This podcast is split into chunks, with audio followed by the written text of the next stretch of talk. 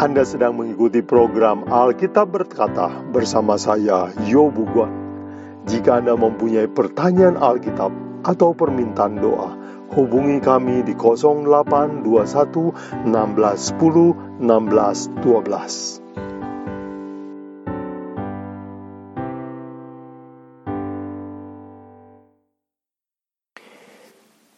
Bapak Ibu Saudara sekalian selamat bergabung kembali dalam pelajaran Alkitab berkata. Pelajaran hari ini kita adalah salah asuhan Simpson.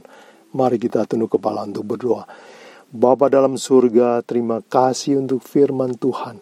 Kami melihat bahwa dalamnya terdapat banyak catatan kesalahan yang di mana kami bisa ambil pelajaran. Pada akhir zaman ini kami melihat banyak sekali anak-anak menjadi jahat walaupun mereka sudah belajar firman Tuhan.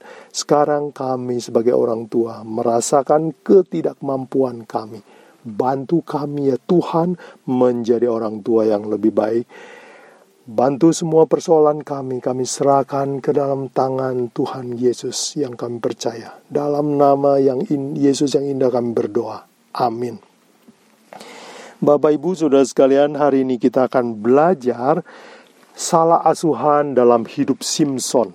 Nah, judulnya memang salah asuhan tetapi tidak semuanya salah. Kita akan belajar yang benar dan yang salah dalam hidup Simpson. Saudara tahu bahwa Simpson adalah orang yang kuat sekali di Alkitab ya. Dia seorang yang perkasa padanya tetapi dia lemah dalam kuasa memilih. Dia lahir dengan mujizat dan mamanya disuruh Tuhan untuk menahan diri, jaga diri. Tetapi setelah besar, Simpson menjadi orang yang suka main perempuan dan hidupnya berakhir di tangan orang Filistin, ditangkap, matanya dicongkel, kekuatannya hilang, dipermalukan, dihina. Akhirnya Simpson bertobat dan dia berhasil merobohkan kuil dewa Dagon di mana dia tangan kedua tangannya diikat pada tiang kuil dan dia bertobat minta kekuatan dari Tuhan dan kedua tiangnya dirobohkan.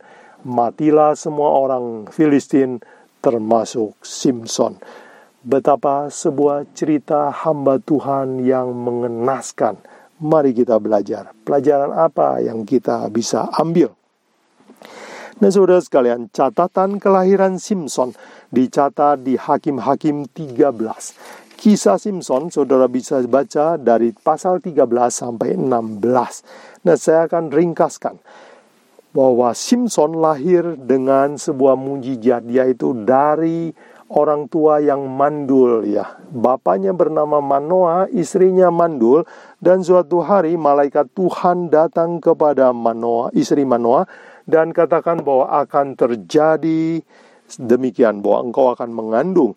Dan waktu akan mengandung ini Tuhan memberi petunjuk kepada istri Manoah. Petunjuknya diberikan di Hakim-Hakim 13 ayat 4 dan 5. Dikatakan, oleh sebab itu, pelihara peliharalah dirimu, jangan minum anggur atau minuman yang memabokkan dan jangan makan sesuatu yang haram. Ini adalah petunjuk prinsip pendidikan anak yang baik. Tuhan bilang, jaga makananmu ibu, jaga minumanmu, dan jangan makan makanan yang haram. Yang dimaksud minuman yang memabokkan tentu saja yang beralkohol ya, mungkin zaman sekarang yang mengandung kimia, yang mengandung bahan perangsang, apakah itu kafein, apakah itu uh, narkoba yang lain, uh, dan makanan haram apa yang dimaksud? Itulah yang Tuhan bilang kepada Musa di Imamat 11. Jangan makan daging babi, jangan makan daging kelinci, jangan makan daging tikus, jangan makan hewan laut yang tidak bersisik dan tidak bersirip. Jangan makan burung-burung yang memakan daging. Itu semua haram. Saudara sekalian, apalagi yang Tuhan katakan haram? Darah haram bagimu untuk dimakan. Jeroan semua lemak, semua organ yang menyelubungi perut bagian dalam dilarang dimakan oleh umat Tuhan. Dengan kata lain, jeroan. Saya pernah melihat, mendengar bahwa anak-anak bayi diberikan makan jeroan. Misalnya tim hati babi, tim hati sapi. Saudara sekalian, menurut ukuran firman Tuhan, jangan berikan hal-hal itu kepada anak-anak kita. Haram itu bukan hanya pengertian agama saja, tetapi itu adalah pengertian higienis juga, pengertian medis. Kenapa? Karena di dalam bahasa Inggris kata haram itu digunakan kata unclean dan itu tepat. Unclean artinya tidak bersih. Memang perintah Tuhan itu punya kebenaran moral tetapi punya kebenaran sains juga. Jadi, prinsip pertama mendidik anak yang baik adalah pendidikan dimulai sejak dalam kandungan. Banyak orang berpikir, "Oh, anak itu dididik mulai waktu dia lahir." Ada orang berpikir, "Oh, waktu mulai sekolah." Oh, waktu dia sudah mulai remaja, kita didik dia.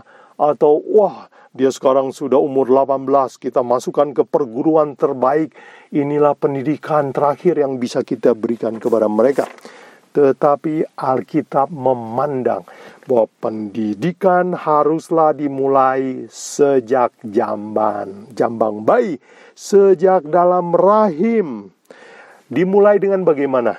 Dengan ibu, bapak mengendalikan diri dan rupanya pengendalian diri ini akan menurun kepada anak.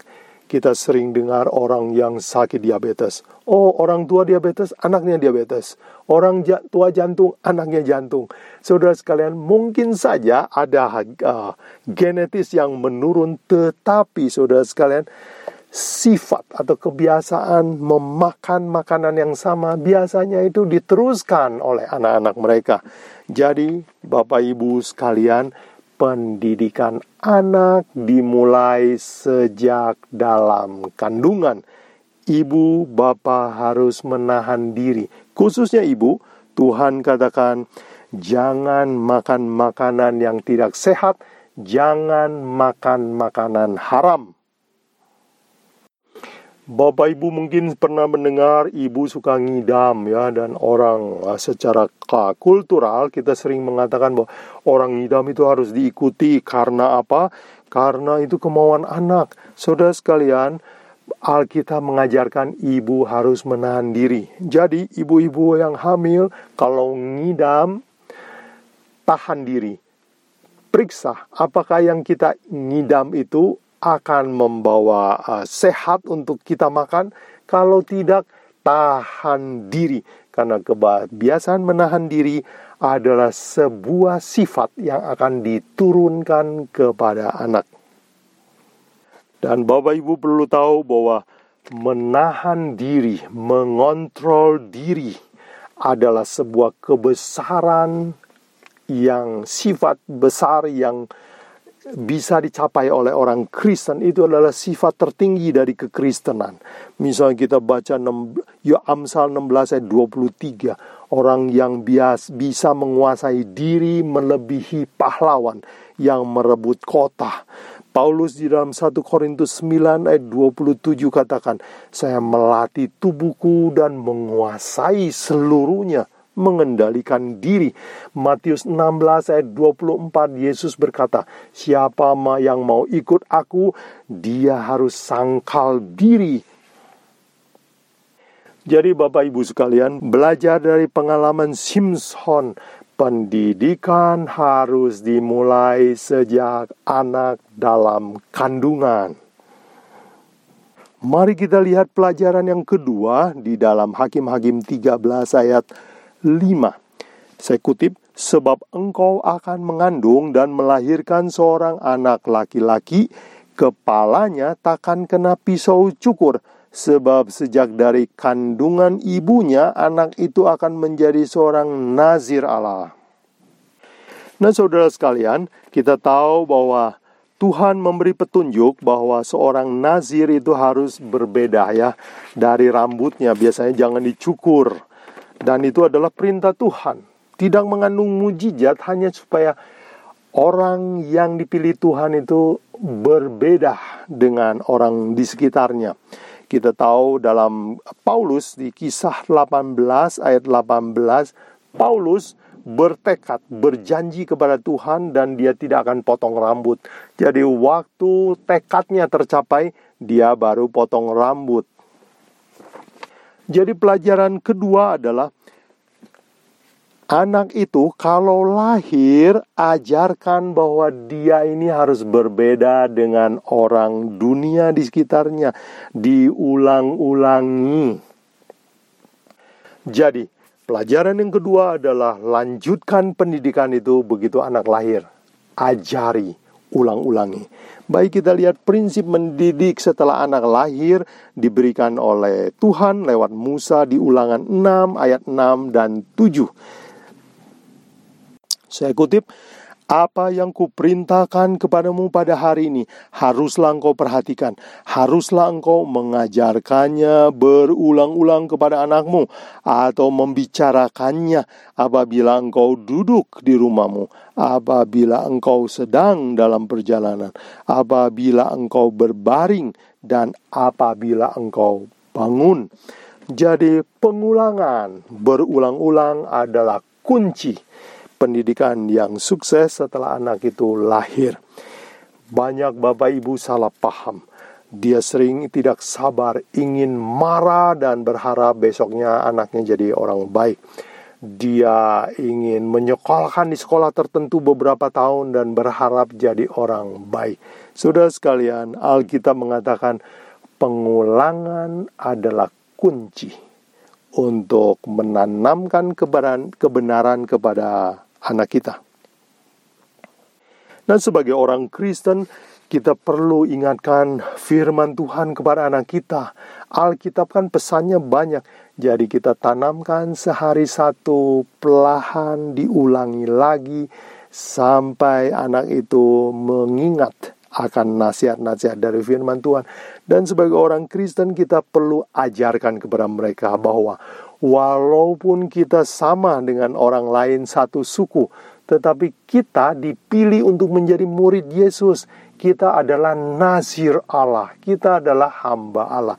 Ajarkan mereka bahwa kita berbeda dengan dunia. Nah, saudara sekalian, prinsip yang ketiga, mari kita lihat ayatnya di dalam Hakim-Hakim 14 ayat 1 Sekarang Simpson sudah lebih besar. Dia sudah pemuda. Dan apa yang dia lakukan waktu dia pemuda? Hakim-Hakim 14 ayat 1 Dikatakan oleh Alkitab Simpson pergi ke Timna dan di situ ia melihat seorang gadis Filistin. Dan ia pulang dan memberitahukan kepada ayahnya dan ibunya di Timna aku melihat seorang gadis Filistin Tolong ambillah dia menjadi istriku. Timna adalah sebuah kota orang Filistin ber, dan dia bertemu dengan seorang gadis eh, Filistin, bangsa asing, orang yang tidak seagama, dan dia jatuh cinta. Kenapa dia bisa jatuh cinta? Karena dia bergaul di negeri orang Filistin dia main ke kota orang Filistin. Saudara sekalian, pelajaran apa yang kita bisa ambil di sini? Yaitu, pilihlah lingkungan gaul yang baik. Nomor satu kita sudah belajar bahwa pendidikan dimulai sejak kandungan dan Manoah dan istrinya sudah lakukan. Yang kedua, ajarkan bahwa anak ini bahwa dia adalah hamba Tuhan. Sudah diajarkan tetapi saudara sekalian sekarang terjadi kelengahan. Anaknya bergaul ke tempat yang orang tua tidak tahu Yaitu rupanya Simpson sering bermain dengan orang Filistin Dengan perempuan-perempuan Filistin. Dan tidak heran dia jatuh cinta. Saudara sekalian, ke mana kita kirim anak kita bergaul, bersekolah, kemungkinan jodohnya akan didapat dari sana. di mana anak kita bermain kemungkinan cara pemikirannya akan mirip dengan orang sepermainannya. Ada orang Jawa melahirkan anak di tanah Sunda. Begitu lahir, logatnya tidak Jawa lagi, tapi Sunda. Kenapa? Lingkungan gaulnya Sunda. Kalau saudara kirim anak ke luar negeri yang berbahasa Inggris, kemungkinan pulang lancar berbahasa Inggris, atau ke Tiongkok, pulang akan lancar berbahasa Mandarin. Kenapa? Semua lingkungan gaul akan mempengaruhi anak kita. Bapak Ibu Saudara sekalian, pernah seorang bijaksana berkata, "Tunjukkan buku bacaanmu, tunjukkan siapa teman-temanmu." Saya bisa mengatakan siapa kamu. Saudara sekalian, Alkitab melalui Paulus di dalam 1 Korintus 15 ayat 33 berkata, "Jangan sesat pergaulan yang buruk merusakkan kebiasaan yang baik." Saudara sekalian, sekalipun orang itu rohani bertahun-tahun, tetapi begitu salah gaul, lingkungannya salah, maka itu bisa menetralkan semua kebaikan yang telah dipelajari. Daud hanya menonton oh, melihat orang telanjang beberapa detik, beberapa saat hidupnya berubah, dia jatuh dalam dosa perjinahan. Lingkungan gaul menentukan nasib anak-anak kita. Bapak Ibu Saudara sekalian ketahuilah dengan siapa anak-anak Bapak Ibu bermain, ke mana mereka bermain, apa yang mereka mainkan. Apakah Bapak Ibu kalau mau pilih sekolah banyak berdoa? Seringkali kita pilih sekolah berdasarkan pendapat mayoritas, pendapat tetangga, teman. Tetapi pernahkah kita bertanya kepada Tuhan, apakah anak saya jadi baik atau tidak kalau sekolah di sana? Apakah lingkungan gaulnya baik atau tidak baik? Saudara sekalian, sekolah seharusnya menjadi tempat belajar hal yang baik. Tetapi tidak demikian, bukan? Kita tahu banyak hal-hal yang buruk kita pelajari dari sekolah. Saya ingat pengalaman saya belajar berkata kotor di mana? Di sekolah. Di belajar berkelahi di mana? Sekolah belajar lihat gambar-gambar yang gak benar di mana dari teman sekolah. Belajar merokok dari siapa? Lihat teman sekolah disuruh diajak oleh teman sekolah. Jadi saudara sekalian, kalau kita memilih sekolah untuk anak kita, banyak berdoa. Bagaimana dengan memilih rumah tinggal? Sama saudara sekalian, tidak ada orang yang tahu masa depan itu sebabnya kalau saudara mau pindah rumah, berdoa. Tuhan tuntun saya untuk memilih rumah yang memberi pengaruh yang positif bagi keluarga saya. Bagaimana dengan hiburan dan mainan? Wah, saya menyesal sekali. Waktu anak saya masih kecil, saya ber tekad tidak akan memberikan game komputer kepada mereka. Dan saya bertahan bertahun-tahun. Walaupun anak saya merengek saya tetap kuat. Tetapi suatu hari pertahanan saya runtuh. Karena sepupu anak saya artinya keponakan saya semua dibelikan oleh orang tuanya game komputer. Hanya anak saya yang tidak punya game komputer. Kasihan sekali anak saya. Dan saya lihat mereka murung Akhirnya sebagai orang tua prinsip saya luntur. Saya lebih mengasihi anak daripada mengasihi prinsip kebenaran. Akhirnya saya belikan PlayStation dan itulah penyesalan terbesar yang saya laku yang saya miliki hari ini. Kenapa saya berikan itu? Kenapa saudara sekalian? Karena anak saya menjadi kecanduan komputer, mereka jadi tidak senang bermain dengan orang tua karena mereka merindukan waktu untuk main komputer. Mata mereka rusak karena menatap game komputer terlalu lama. Tetapi saya hanya bersyukur kepada Tuhan bahwa waktu mereka remaja, mereka dipanggil Tuhan untuk bertobat. Dan sekarang mengajarkan, bersaksi kepada orang-orang bagaimana untuk keluar dari jebakan, kecanduan, game komputer. Bapak, Ibu, Saudara sekalian, pernah seorang bernulis dalam bukunya katakan begini, kalau kamu punya uang beli mobil, kamu bawa keluargamu kepada dunia. Dan kalau kamu bisa beli televisi, kamu membawa dunia masuk ke rumahmu.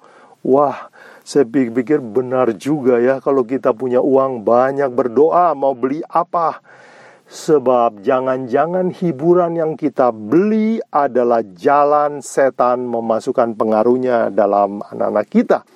Saudara sekalian, dulu waktu kita muda, bahayanya cuma televisi ya, buku-buku pornografi.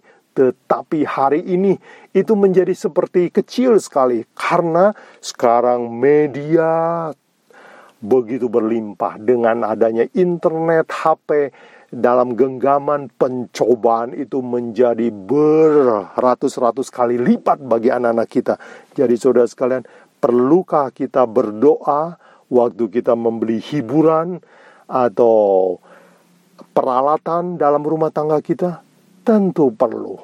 Karena setan juga bekerja melalui semua alat-alat yang kita beli Perhatikanlah lingkungan gaul, karena lingkungan gaul akan juga menentukan nasib anak kita selain dari dua faktor yang sebelumnya. Saya teringat akan sebuah kisah tentang Meng Zi atau Mencius, orang bijaksana Tiongkok kuno. Dia adalah guru, dia belajar kepada Confucius dan Bagaimana kisahnya sampai Mencius ini menjadi seorang guru bijaksana orang Tiongkok yang terkenal. Dikatakan mamanya adalah seorang janda, tapi dia adalah seorang yang tahu bagaimana memperhatikan lingkungan gaul anak.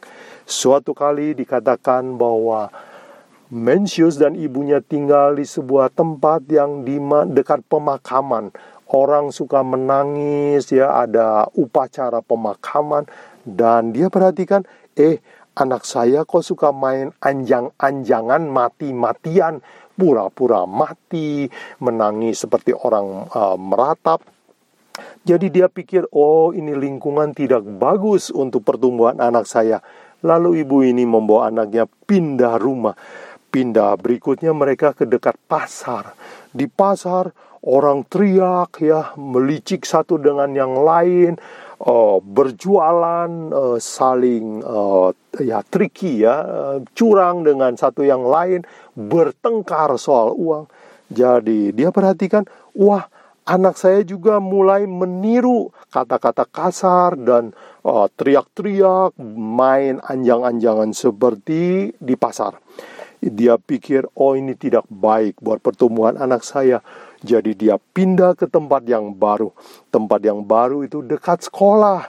Dan zaman dulu uh, guru beberapa murid itu sering apa membaca bersuara.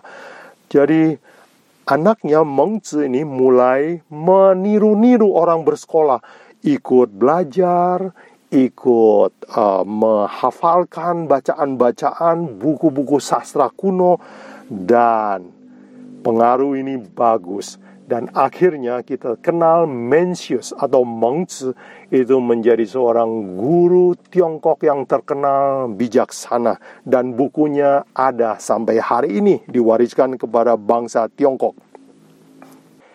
Jadi saudara sekalian, bukankah memilih tempat tinggal, memilih sekolah, memilih hiburan dan permainan, kita perlu banyak berdoa dan berpikir? Tentu saja. Dan yang terakhir, saudara sekalian, pelajaran apa yang kita bisa tekankan ambil dari pelajaran Simpson? Kita baca di Hakim-Hakim 14 ayat 3. Tetapi ayahnya dan ibunya berkata kepadanya, Tidak adakah di antara anak-anak perempuan sanak saudaramu atau di antara seluruh bangsa kita seorang perempuan sehingga engkau pergi mengambil istri dari orang Filistin, orang yang tidak percaya itu. Alkitab katakan yang tidak bersunat itu artinya yang tidak seiman itu, yang tidak seagama itu.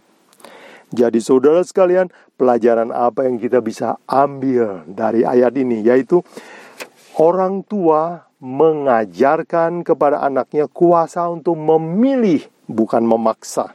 Bapak Ibu Saudara sekalian, pendidikan yang baik bisa diberikan, tetapi pada akhirnya anak itu juga yang mau pilih apakah dia mau ikut nasihat kita atau dia mau milih ikuti nafsunya sendiri. Saya yakin bahwa Manoa dan istrinya, ayah dan ibu Simpson, waktu Simpson kecil sudah berulang-ulang diajarkan bahwa jangan menikah dengan orang yang tidak seiman. Sekarang waktu Simpson bilang, ambil dia jadi istri saya, saya suka pokoknya. Orang tua ini mengingatkan apa yang Tuhan katakan. Apa kamu tidak ingat? Saya pernah bilang pilih yang seiman. Tetapi kita tahu bahwa jawab Simpson di dalam Hakim-Hakim 14 ayat 3 bagian terakhir dikatakan, tetapi jawab Simpson kepada ayahnya, ambil dia bagiku sebab dia ku sukai. Ini anak maksa. Jadi saudara sekalian, pelajaran keempat apa yang harus kita ajarkan? Ajarkan kuasa untuk memilih, bukan memaksa. Biasakan dari kecil anak kita untuk memilih ikut kebenaran, bukan dipaksa ikut kebenaran. Saya ingat ada orang tua yang suka paksa anaknya makan pepaya. Sampai besar anaknya itu begitu lepas dari orang tua, dia tidak pernah makan pepaya lagi. Kenapa? Dia nggak pernah sadar bahwa pepaya itu baik dan enak buat dia, tetapi karena orang tuanya memaksa. Tetapi saudara sekalian, apa yang orang tua harus lakukan? Bujuk, tawarkan makanan yang sehat, lalu kasih tahu manfaatnya, dan biarlah dia memilih sendiri. Jadi, dari kecil anak itu harus dilatih kekuasa kuasa untuk memilih. Dan saudara tahu bahwa power of choice atau kekuasaan untuk memilih adalah sebuah kuasa yang Tuhan taruh di dalam manusia untuk manusia gunakan untuk kebaikan. Kalau manusia menggunakan kuasa memilih untuk menurut firman Tuhan, dia akan berbahagia. Kalau dia menggunakannya untuk mengikuti hawa nafsu, maka hasilnya adalah kemalangan ajarkan itu sejak waktu kecil. Nah, saudara sekalian, apa yang Simpson putuskan adalah sebuah pilihan yang salah. Orang tuanya telah melakukan segala yang baik, tetapi hasil akhir adalah di tangan Simpson sendiri, yaitu kuasa dia memilih sendiri. Jadi, kita mengerti memang ada orang tua yang baik, anak tidak baik, bukan selalu salah orang tua, tetapi karena anaknya memilih, kuas, punya kuasa memilih, dan anaknya memilih untuk tidak menurut. Jadi, saudara sekalian, apa yang kita telah pelajari hari ini dari hidup Simpson, yaitu nomor satu, pendidikan harus dimulai sejak kandungan, yaitu ibu Bapak harus mengendalikan nafsu diri sendiri. Kalau tidak, itu akan menurun. Yang kedua, saudara sekalian, kalau anak itu lahir, ajarkan dia firman Tuhan dan rencana Tuhan buat hidupnya. Dan lakukan itu berulang-ulang, jangan cuman kalau ingat saja. Yang ketiga, saudara sekalian, perhatikanlah lingkungan gaul anak kita. Pilihlah lingkungan yang baik. Berdoalah kalau saudara mau pilihkan sekolah untuk anak. Berdoalah kalau saudara mau memilih tempat tinggal. Berdoalah kalau saudara mau membeli hiburan atau memasukkan media ke dalam rumah saudara. Dan yang keempat, saudara sekalian, ajarkan kuasa memilih setiap hari, supaya anak kita terbiasa mengikuti kebenaran atas kesadarannya sendiri. Jangan biasa memaksa, jangan biasa menakut-nakuti. Bapak, ibu, saudara sekalian, pelajaran kita telah selesai. Doa saya, semoga anak bapak, ibu semua berhasil di dunia ini, dan akhirnya boleh masuk dalam kerajaan Tuhan. Semoga rumah tangga kita berbahagia, berkat kiranya tercurah atas semua pendengar. Dalam nama Yesus, saya persembahkan pelajaran ini.